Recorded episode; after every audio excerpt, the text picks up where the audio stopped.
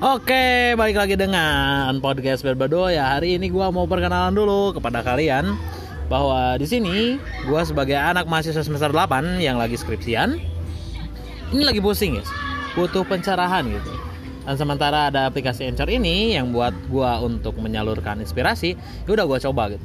Silakan kalau yang suka boleh didengarkan. Kita ke depannya ngobrol cinta-cintaan boleh. Eh, ngobrol apa lagi ya?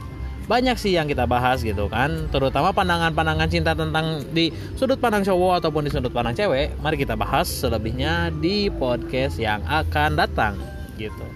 Nanti gua akan datangin uh, guest star yang emang menurut gua pemikirannya bagus tapi yang masih temenan sama gua gitu. Mungkin segitu aja perkenalan dari gua. Selebihnya silakan terserah lu aja gitu ya. Oke. okay.